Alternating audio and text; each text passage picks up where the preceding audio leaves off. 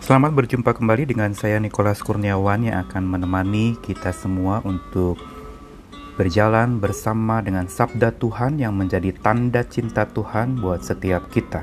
Itulah sumber kekuatan kita menapaki hari ini.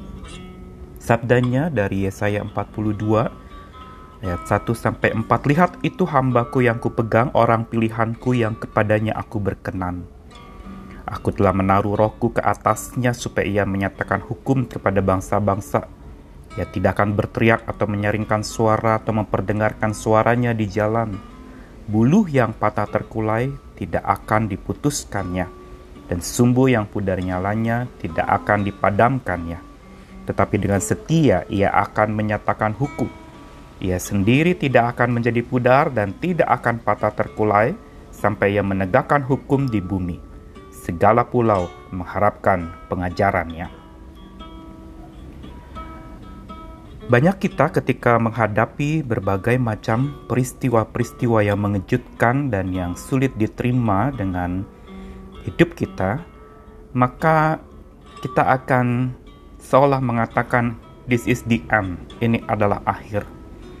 Kita mungkin sempat mengatakan tamat riwayatku, kita mungkin sempat mengatakan dan berpikir bahwa masalah ini akan selamanya.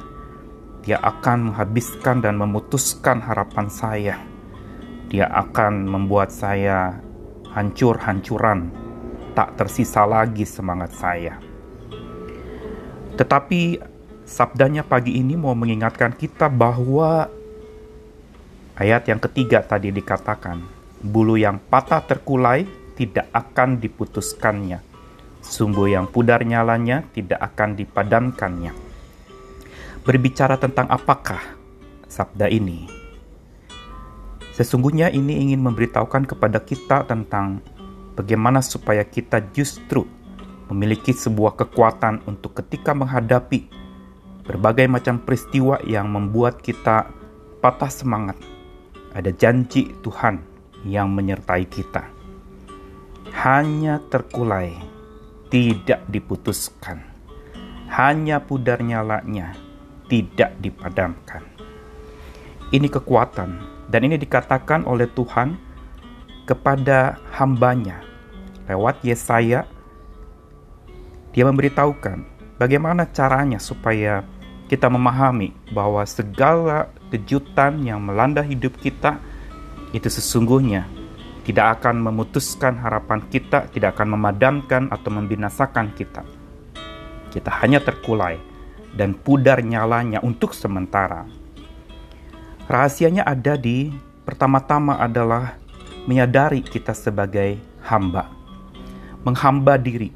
Inilah yang menyebabkan ketika peristiwa yang berat menimpa, kita akan memahami itu sebagai sebuah keterkulaian sementara. Itu akan menjadi semacam pudar nyala yang sementara yang tidak akan diputuskan buluh itu dan tidak akan dipadamkan sumbu itu. Menghamba, menyadari diri sebagai hamba, Tuhanlah yang menjadi Tuhan kita. Dia pegang otoritas penuh atas hidup kita. Yang kedua, aku telah menaruh rohku ke atasnya dan sabdanya ini jelas memberitahukan kepada kita tentang hal kedua untuk kita memahami bahwa kita hanya terkulai dan hanya pudar nyala kita sementara. Yang kedua adalah bukan saja menghamba, tetapi mengikuti pimpinan rohnya. Ketika dikatakan aku telah menaruh rohku ke atasnya, ini menunjukkan bahwa roh lah yang memimpin dan membuat kita melihat segala sesuatu yang tampaknya menghancurkan hidup kita itu sebenarnya hanya sementara, terkulai tapi tidak patah, pudar tapi tidak padam. Kalau kita mengikuti keinginan daging kita, kita mungkin akan merasa hancur-hancuran, mengikuti akan segala ego dan emosi kita. Mungkin kita akan merasa bahwa hidup ini padam, tamat riwayat saya. Yang ketiga, saudara, yang membuat kita bisa melihat dan memaknai bahwa kejadian yang ada itu serba sementara, termasuk peristiwa yang buruk ini juga sementara. Ada hal ketiga yaitu ia tidak akan berteriak atau menyaringkan suara atau memperdengarkan suaranya di jalan.